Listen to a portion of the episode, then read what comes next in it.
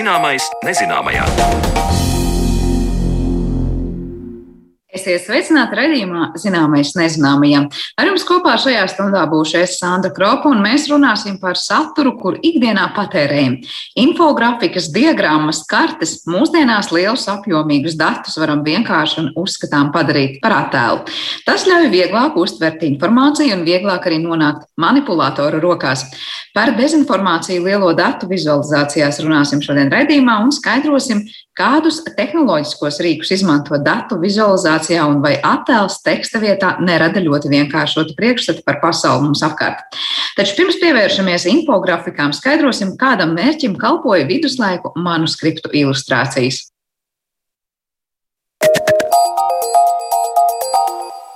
Sākot ar izceltiem iniciāliem, beidzot ar miniatūru attēliem, ilustrācijas viduslaiku manuskriptos kalpoja dažādiem mērķiem. Kāda bija ilustrācija nozīme, vai tās bija kā alegorijas vai līdzības vai realistiski zīmējumi, un vai tās palīdzēja izprast tekstu tiem, kas neprat lasīt, par to mana kolēģe Zanelāts Baltalksne izjautās Latvijas Universitātes Akademiskās bibliotēkas rokrakstu un reto grāmatu nodaļu vadītāju Aiju Taimiņu.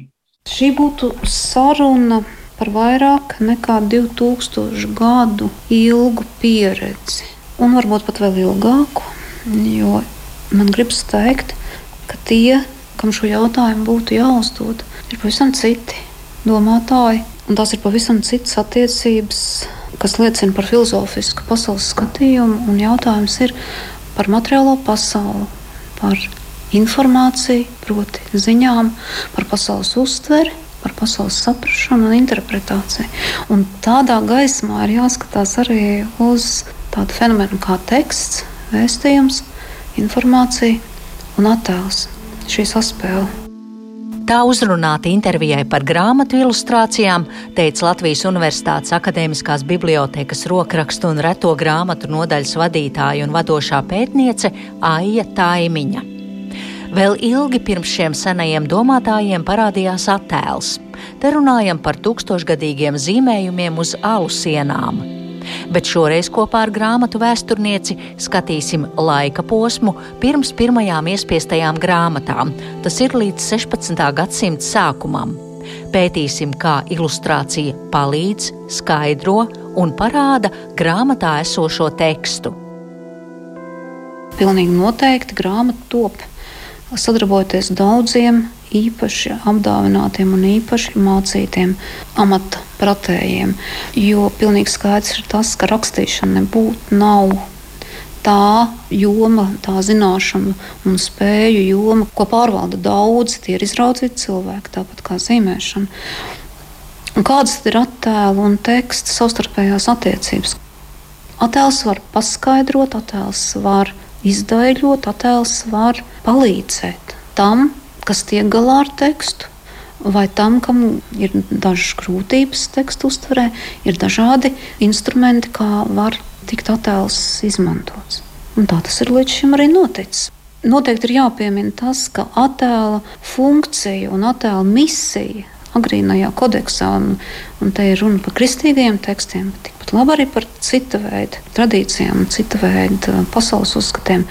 Attēls pilnīgi noteikti ir saistīts un palīdzīgs tiem, kam ir jāvar iedziļināties tekstā. Un te ir jārunā, piemēram, 6. gadsimtā kristīgajā baznīcā zināmo ļoti aso un ilgo diskusiju un strīdu par to, vai kristietībā ir pieļaujama ikonu pielūgšana, svētbilžu pielūgšana. Un te pieminēšu apgaismoto vīru vārdā Damaskas Jānis, kurš daudz ir teicis par to, kā attēls palīdz rakstītajam vārdam.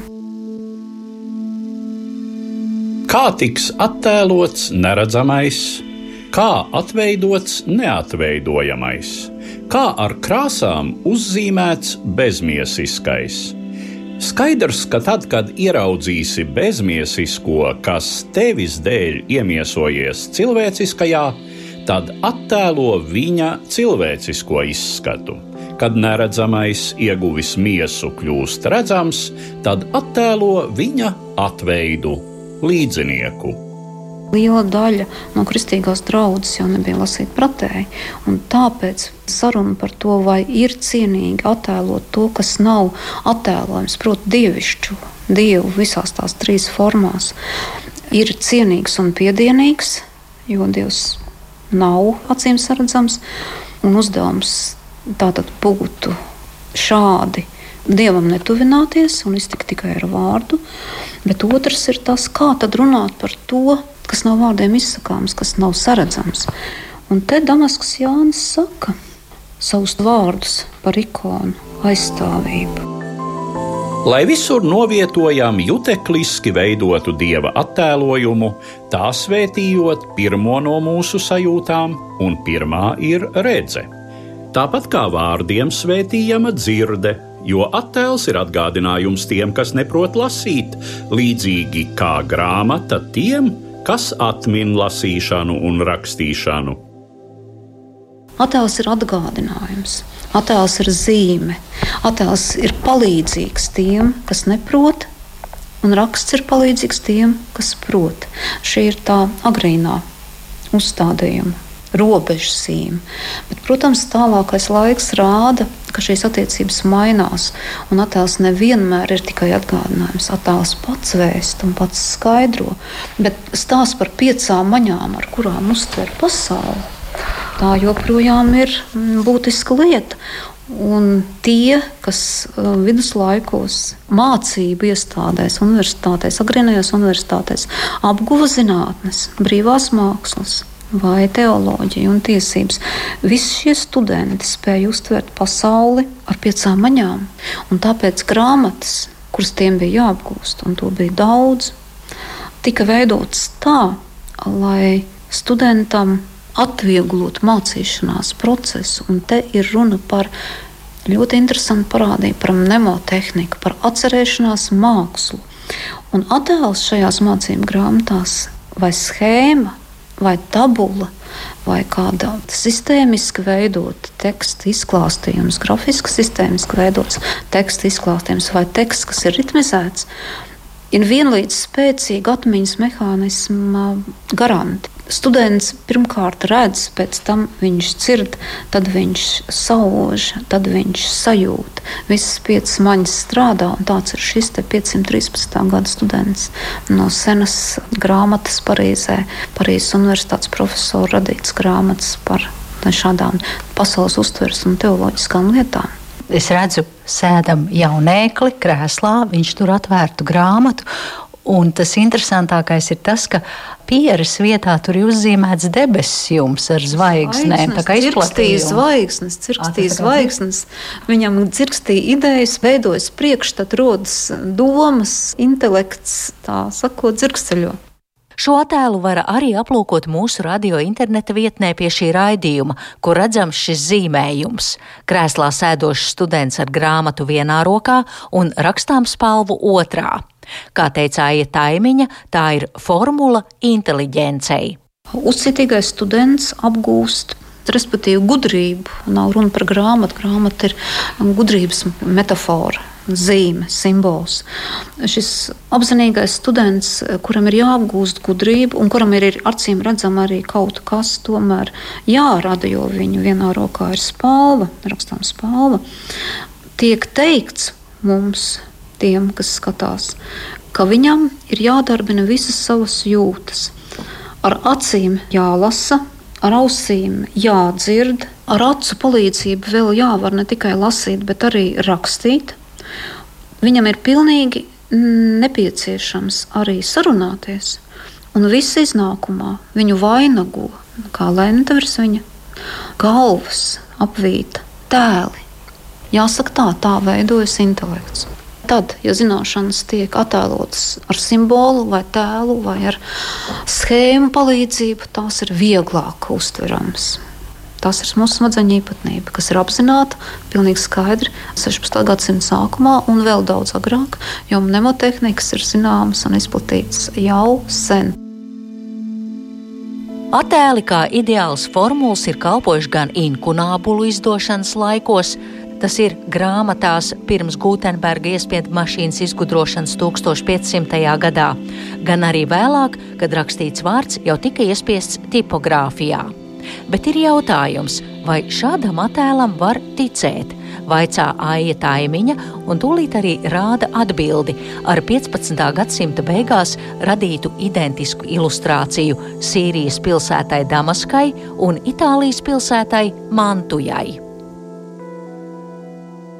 Vai tas, ko atveido 16. gadsimta inkunābulu ilustrācijas, tie pilsētas skati, tās personas, tās vietas, patiešām ir tādas, kādas tās tiek attēlotas. Cik ticami ir šie attēli kā vēstures avoti? Nu, tas ir tas senais jautājums par to, kāds ir ilustrācijas mērķis. Jau Damaskas Jānis teica, tā galvenais ir mērķis. Un jāsaka, gan arī pēc tūkstotis gadiem tie, kas ilustrē grāmatas 15. gadsimta otrajā pusē, apzināti vai neapzināti, kā galveno uzdevumu stāda mērķi, nevis tā konkrēto izpaudumu. Un tāpēc eh, domāt, ka inkunābulu periodu un vēl 16. gadsimta grāmatas ilustrācija ataino patiesi realitāti tādu, kāda tā bija tolaik, ir dziļi, kļūdaini un pat naivi.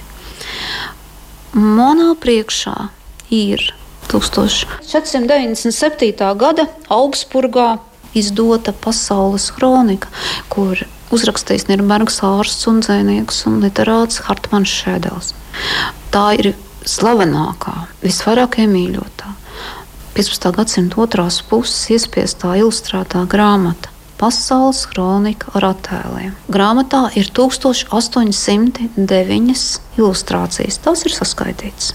Tur ir gan valdnieki, gan izcili vīri, gan pilsētu skati, arī kāda karte, daži dzīvnieki, daži laicīgi personāži un garīdznieki.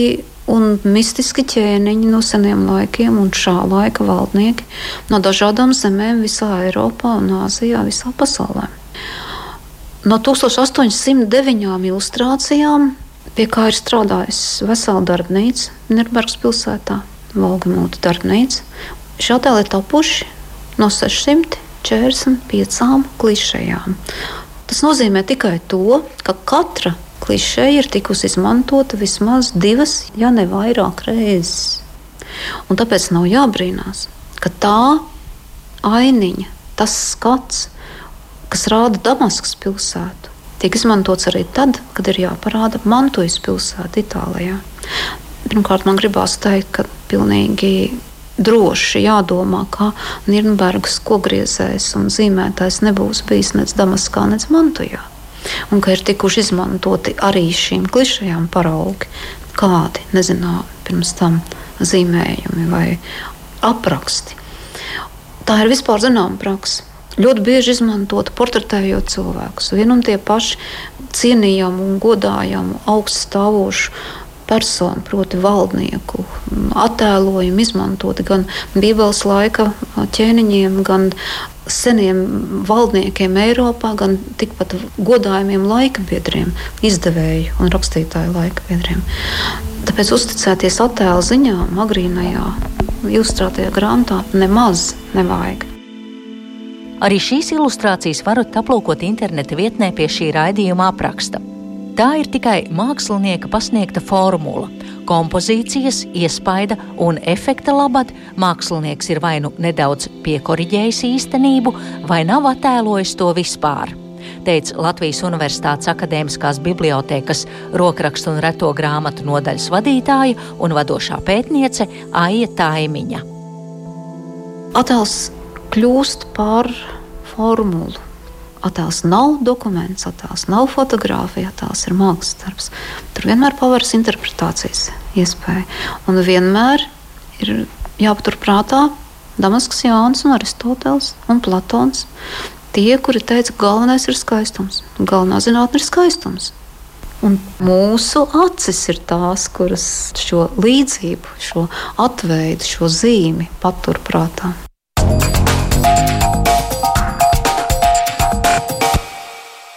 Tik tālu par ilustrācijām senajās grāmatās, bet par ilustrācijām, kas ataino datus mūsdienās, mēs runāsim raidījuma turpinājumā.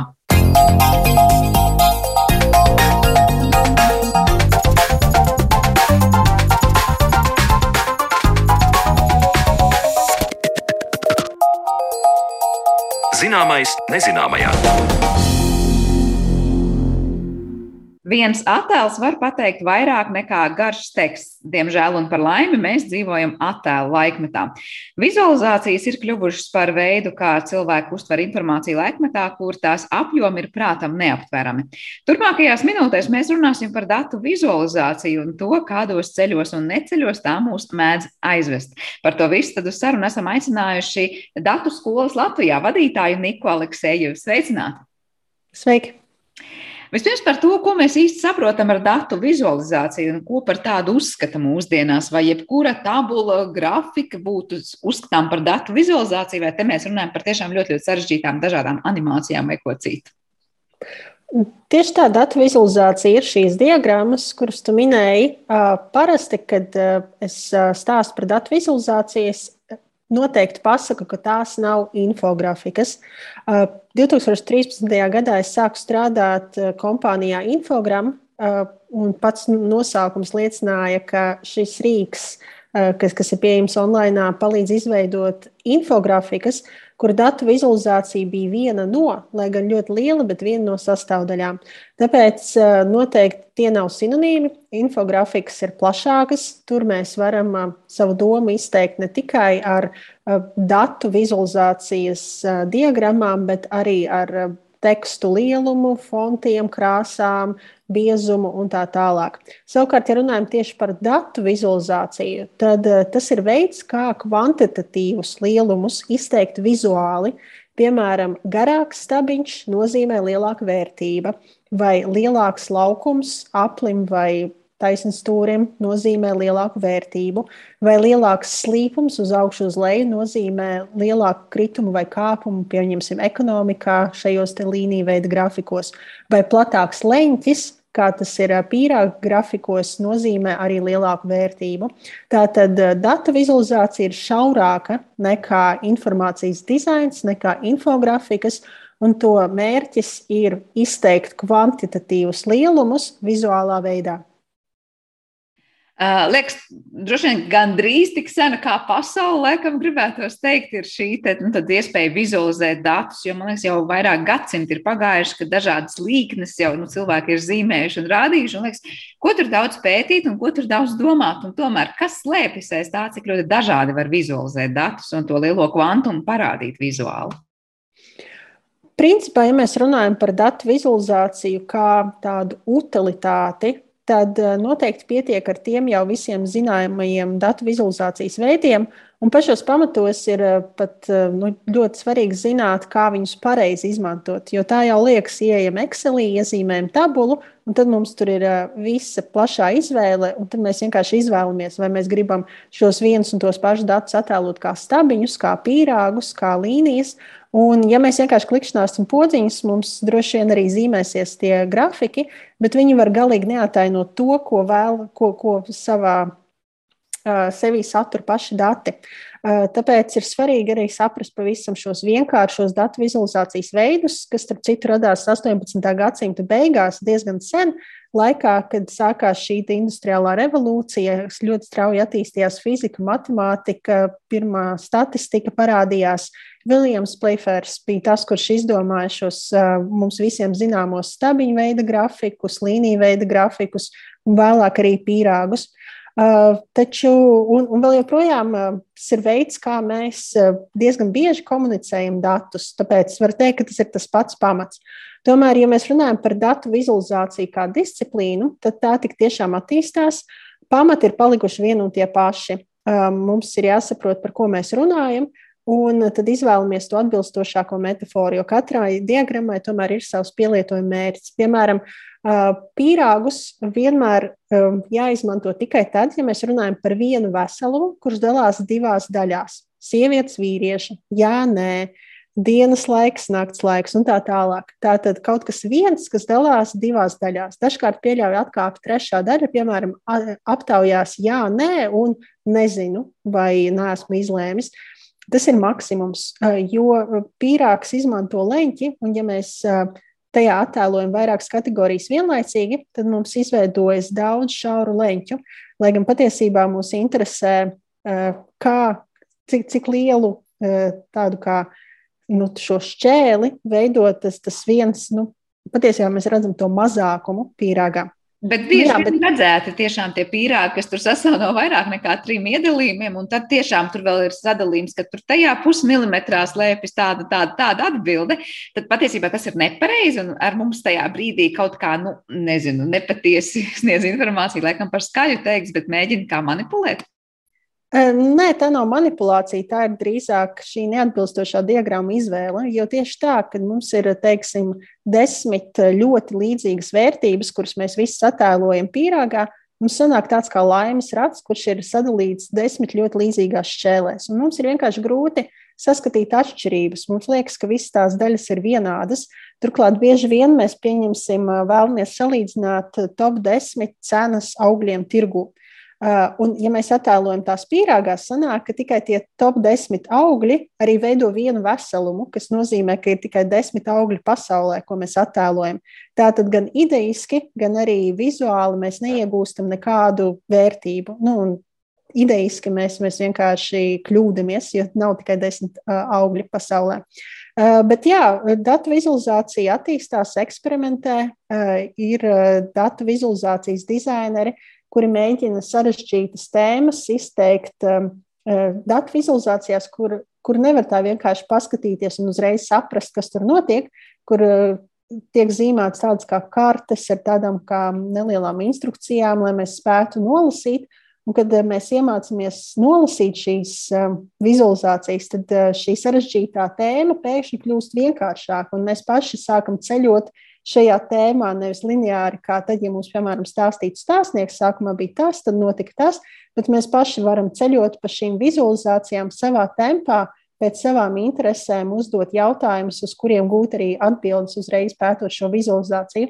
Tāpēc um, jā, šī, šī industrija attīstās. Katru gadu Spānijā notiek uh, malafei tāds um, diezgan augsta līmeņa festivāls, pat varētu teikt, kur pārsvarā tiekās dažādu prestižu izdevumu dizaineri, kur eh, nedēļas laikā notiek konkurss un paralēli darbnīca. Un eh, šī pasākuma noslēgumā tiek noteiktas labākās vizualizācijas vairākās kategorijās. Un interesanti, ka katru gadu ir vismaz viena stabiņa veida diagramma, kas savā vienkāršībā ir tik ģeniāla, ka uzvar šo konkursu. Liekas, kur vēl stabiņa veida diagramma ar kaut ko spēju pārsteigt. Eh, varbūt ir kāds vēl komentārs par tām stabiņa veida diagrammām. Mēs tikko par tiem pīrāgiem skaisti izstāstījām, kas ir kas. Eh, ar ko var pārsteigt stabiņa veida diagrammu un kas tajā var būt pareizi un nepareizi? Jā, stabiņa veida diagramma var būt ļoti aizraujoša, ja pats temats, par ko tā stāsta, ir aizraujošs. Mēs pirms vēl Covid sākās 19. gadā katru mēnesi tikāmies ar datu vizualizācijas entuziastiem Latvijā un pārunājām mūsuprāt veiksmīgākās, neveiksmīgākās, interesantākās vizualizācijas un vienmēr nonācām pie atziņas, ka ne jau vizualizācijas formāts, bet gan informācija un stāsts, ko tās sevī slēpj, ir tas interesantākais. Un tas, ko es parasti dodu kā piemēru, stabiņu veida diagramma, kur ir iespējams filtrēt un noteikt pēc vecuma, pēc dzimuma un diennakts laika, ko cilvēki šobrīd dara. Tie ir aptaujas rezultāti Amerikā. Un, ja es, piemēram, šobrīd redzu, ka ir pusdienlaiks, es esmu sieviete tādā un tādā vecumā, un es skatos, vai man šobrīd būtu jāstrādā, vai es šobrīd atpūšos. Un tad es paskatos, oh, ko šobrīd dara vīrieši, ko šobrīd dara vecāki vīrieši, ko šobrīd dara jaunāki vīrieši. Un tad, eh, lai gan vizualizācija ir vienkārši stabiņi, eh, kas um, maina savu izkārtojumu, jo nu, pamatā ir šī datu sortēšana, šķirošana. Uh, vizuāli nav varbūt nekas tāds pārsteidzošs, bet tas uh, atkarībā no tā, kā es iedarbojos ar vizualizāciju, saturs mainās. Un es atklāju šo stāstu, parasti vēl viena tāda lieta, mēs parasti vienmēr datos meklējam sevi. Tātad ne katra datu vizualizācija, jebkuram būs interesanta. Pat tad, ja jūs tajā būsiet ieguldījuši daudz laika un kreativitātes, stāsts vienmēr ir par klausītāju, un datos mēs vienmēr meklējam sevi.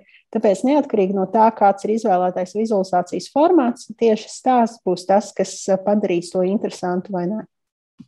Es te pieminēju pirms brīža to manipulēšanas aspektu, un tomēr vēlos pavaicāt, vai datu kādi citi vizualizēšanas veidi vai kaut kādi knifi var un tiek lietoti, lai savukārt pasniegtu mums to informāciju mazliet citādāk. Jo liekas, nu, tad, kad lielu kvantumu mums pasniedz ar pat nevienu vārdu, bet es nezinu, vienu, vienu konkrētu stabiņu vai pīrāgu vai kādu citu vizualizāciju, liekas, vai tur nevar pazust ļoti daudz, kas no tā satura, un savukārt vai no turienes nevar izcelt kaut ko, ko citādi varbūt mēs nepamanītu kā galveno.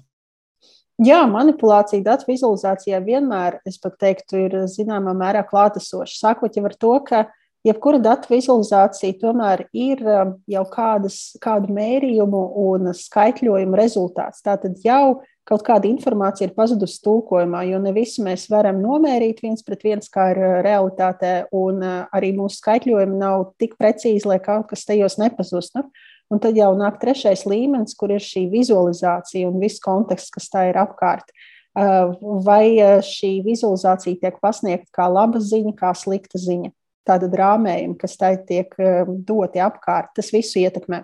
Varbūt, ja runājam nedaudz vienkāršāk, tad uh, kā mēs kā mēdz manipulēt ar datu vizualizācijas formātiem? Uh, Ja runājam par stabiņiem vai par līniju veidu grafikiem, izplatīta un tāda diskutabla prakse ir sākt eh, Y asi, to, kas parasti ir kreisajā pusē vertikāli, nevis no nulles, bet no kādas augstākas vērtības.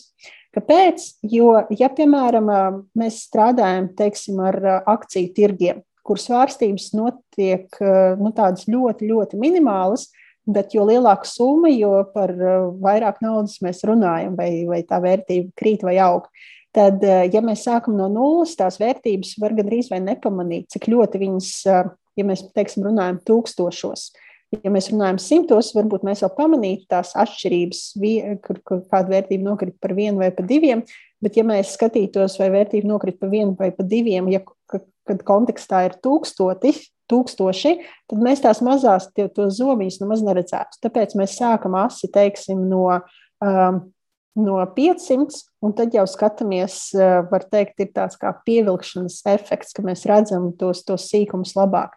No otras puses, uh, uzreiz uh, tās atšķirības starp stabiņiem vai kritumi starp uh, līniju punktiem kļūst izteiktāki, agresīvāki. Um, nu, tādi varbūt eh, atkarībā no tā, par ko ir stāsts, piedējošāki.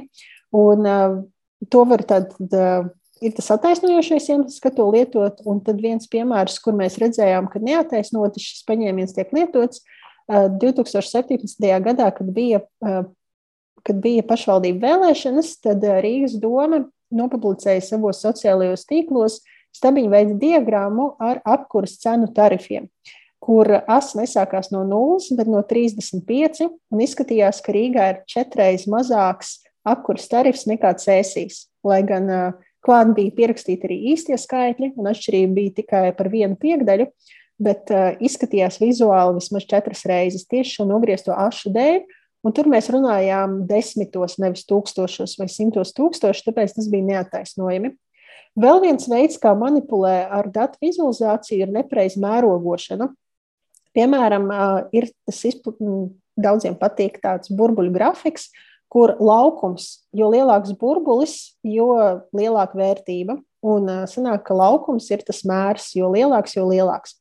Un, ja mēs mērogojam, teiksim, pēc rādījusa, tad šis mērogojums aug nu, daudz ātrāk, agresīvāk. Tas burbulis pušās daudz ātrāk, jo viens, vieni, vienu vienība ir rādījus. Savukārt eh, mēs aizmirstam bieži, un tā mēdz būt arī kļūda vai slinkums, vai ja to nedara mm, algoritms, bet dara cilvēks, vai, vai tas, kurš rakstīja, par to nav padomājis, mums vajadzētu mērogot pēc laukuma. Uh, un uh, šī pati, uh, šis pats paņēmiens tika izmantots arī diezgan tādā senā vizualizācijā Florence Nightingale, kas tiek uzskatīta par mūsdienu veselības aprūpes pamatlicēju, medmāsu, var teikt, pirmo. Viņa, mēģ, viņa uzzīmēja um, pīrāgus, kas tātad šīs vizualizācijas atgādināja pīrāgu grafiku, lai gan patiesībā tie bija stabiņi, kuru pamats sakļāvās riņķa centrā. Tātad viņi sadalīja gadu 12 šķēlēs un uh, iezīmēja sektoros katru, katrā mēnesī, cik karavīri Krimas kara laikā nomira. Un uh, nomira vai nu noš, tika nošauti kaujas laukā, vai mira no ievainojumiem, vai mira no um, higiēnas trūkuma. Un tad šī, šīs vizualizācijas ārējā riņķī, sanāk ārējā aplī, viņi ielika tieši tos uh, nāves gadījumus, kas bija higiēnas dēļ. Un tad tie uh, sektoriņi izskatījās daudz lielāki, jo viņi atradās riņķim ārpusē. Lai gan, ja mēs runājam par vienībām, un ja mēs viņus, ja, ja teiksim, tas nebūtu ielikts tādā kā radiālā uh, riņķa plaknē, bet būtu tādā parastā plaknē, kā mēs esam pieraduši apskatīt, uh, sakrāmēts vienam otram stabiņus, tad šīs atšķirības varbūt nebūtu tik dramatiskas, nebūtu tik izteiktas. Tāpēc šāda... tas bija tāds vizuāls, patiesībā nu, tāds apmāns, nu, tāda ilūzija, jo mēs vienkārši Jā.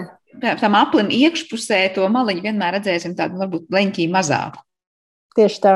Jo tuvāk centram, jo, ja mēs runājam par vienu to pašu vienību, tā būs mazāka, jo tālāk no riņķa centra, jo šī vienība kļūs lielāka.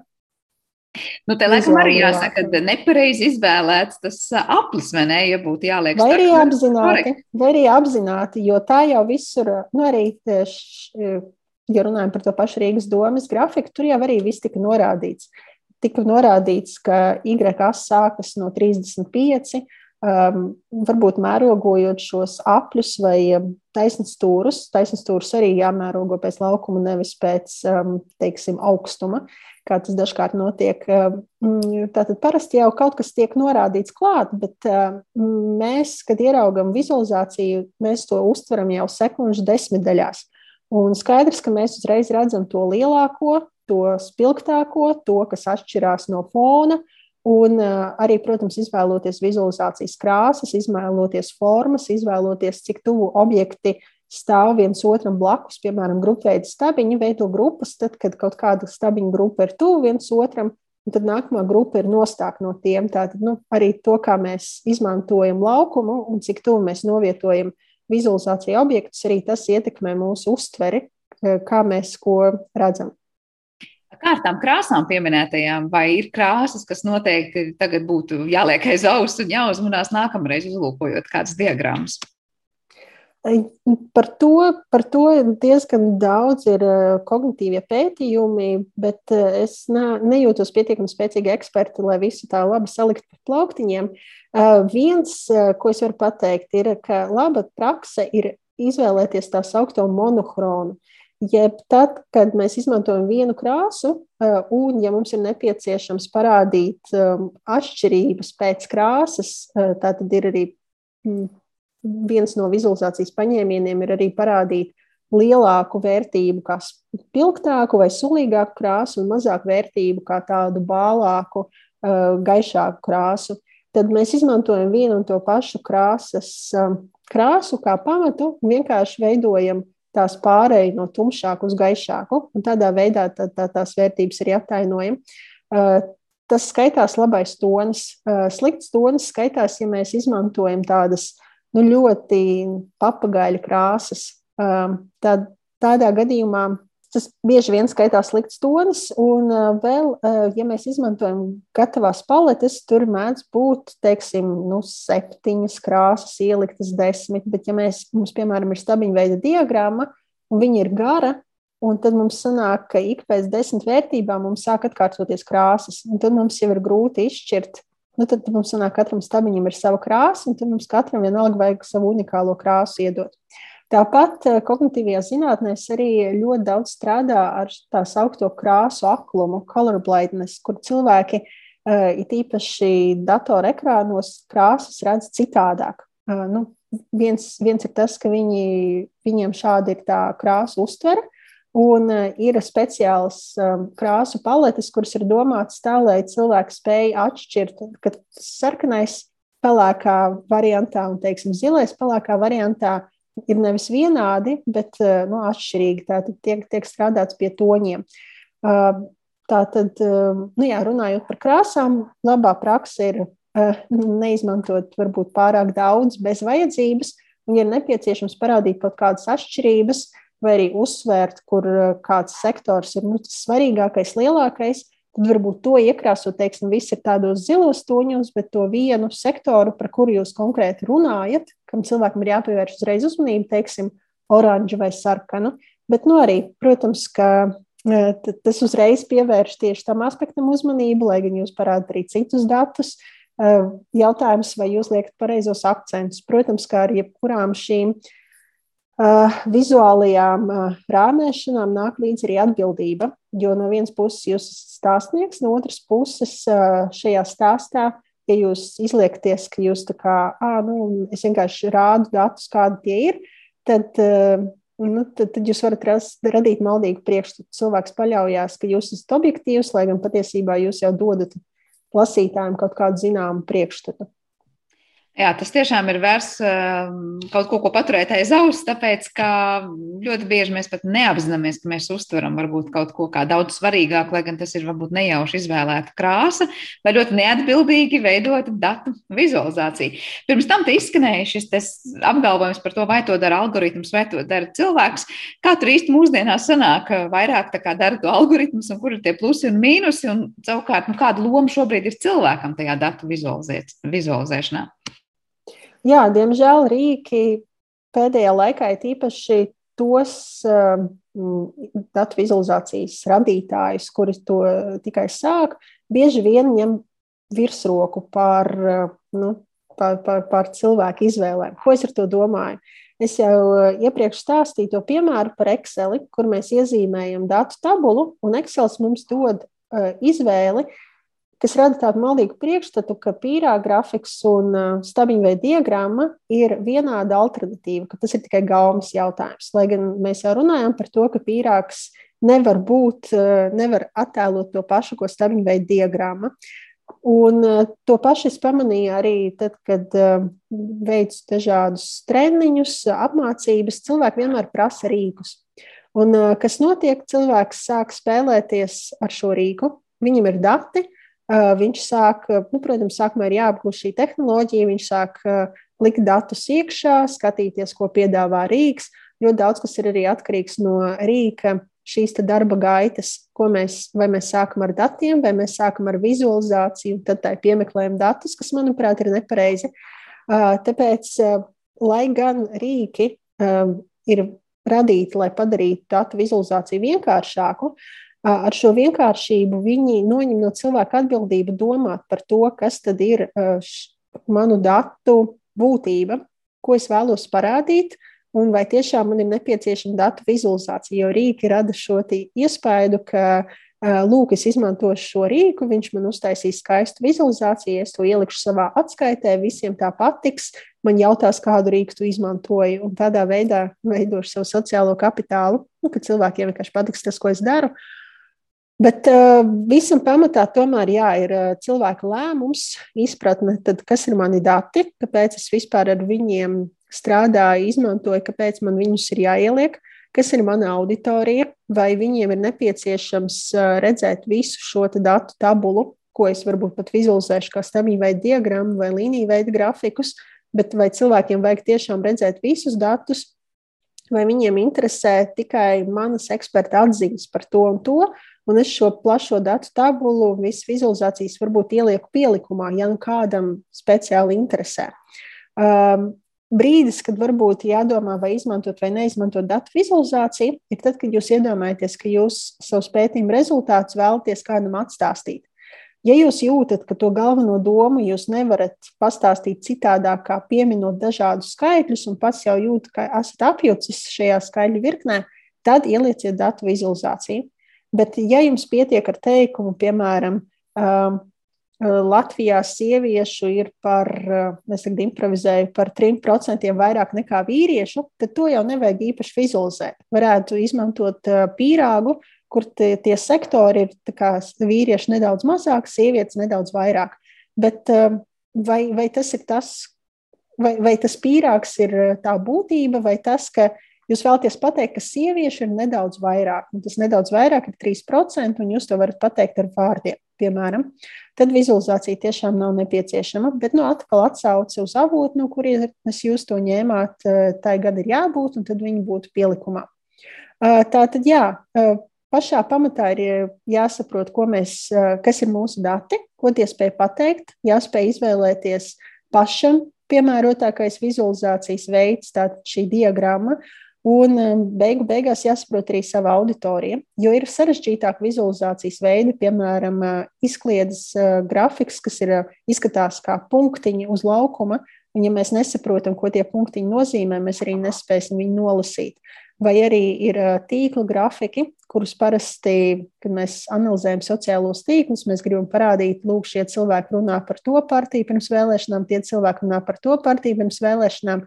Bet vizuāli tas izskatās kā tāds uh, punktu un līniju mezgls, tāds kā sapiņķerēts murčkuls, kura varbūt eksperts kaut ko saskata, bet ja eksperts pasaka, lūk, redziet, redziet, redziet, kas tur ir, tad cilvēks tā skatās un viņš redz tikai to murčkulu un domā, ka viņš nav īsti gudrs.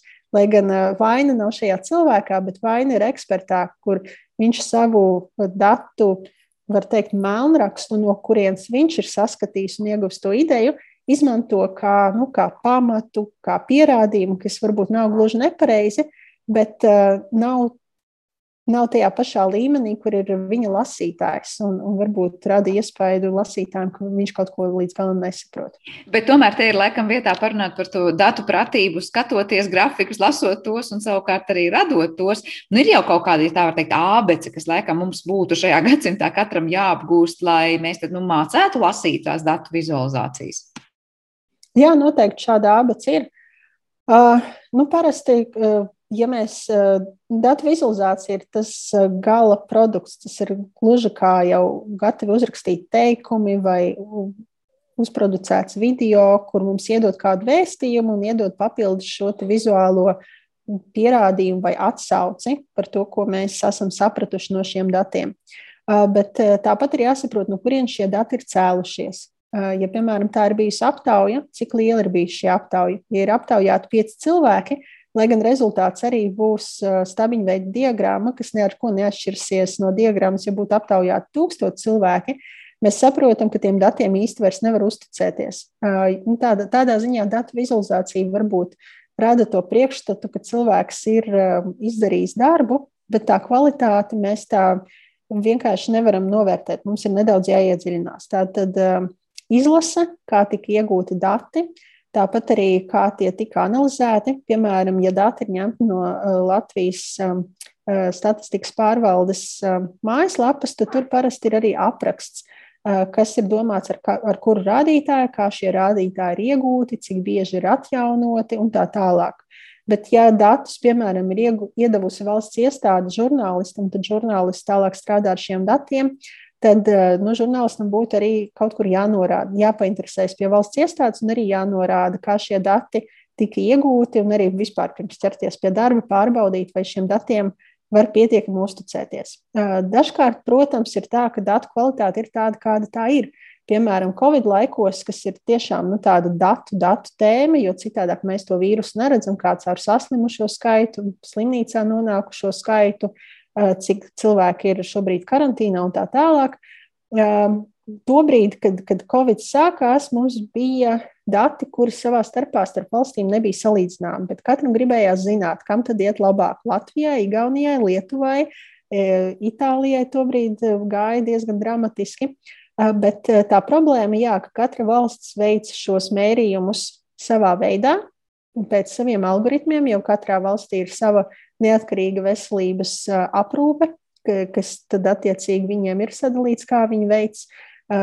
Pirmkārt, cilvēkiem bija jārastē, bet mēs visi prasījām, dodiet mums datus, un tad ārstiem un, un medicīnas personālam vajadzēja arī kļūt daļai par statistiķiem. Savukārt cilvēkiem, kas agrāk varbūt žurnālistikā nodarbojās ar, teiksim, tautsēmniecību, pēkšņi viņiem, oh, tu strādā ar datiem, nu tad pastrādā ar šiem medicīnas datiem, kur jau sākās visas šīs lietas, kad cilvēks ir infekcijos, kad viņš ir aplipinājis kādu, un tur jāskaita dienas, un atceraties arī, kā mēs visi mulsām par antivielām. Ko es ar to visu gribu teikt? Ka dati mēdz tie vienmēr būs savā ziņā nepilnīgi, bet tāpat laikā tas būs labākais, kas mums būs, lai spriestu par situāciju, kas, teiksim, ir tikko radusies, kā tas bija 20. gada sākumā, un, un saprastu, kā, kā nu būs, kā nu ies. Un tādas situācijas turpināsies. Krīzes vienmēr būs mūsu pasaulē. Un tieši šajos sākuma posmos dati būs vispieprasītākie, bet būs viszemākajā kvalitātē. Un, diemžēl eh, par dat datus mēs tā droši varam izmantot, bet nu, arī saprotot visus vēsturiskos kontekstus, tikai tad, kad kāda lieta jau ir pagājusi. Tad mēs arī varam spriest, cik labi mēs rīkojāmies 20. gadā, salīdzinot ar 21. gadu, kā mums tagad 22. gadā būs ar pandēmiju. Un tur jau mēs varam veikt salīdzinājumus eh, nu, arī, arī sev, arī savā starpā, ņemot vērā arī katru vīrusu mutē un tā tālāk. Tāpēc, jā, dažkārt dati ir zemes kvalitātes, un vienmēr jums oponents teiks, ka šiem datiem nav vērts ticēt.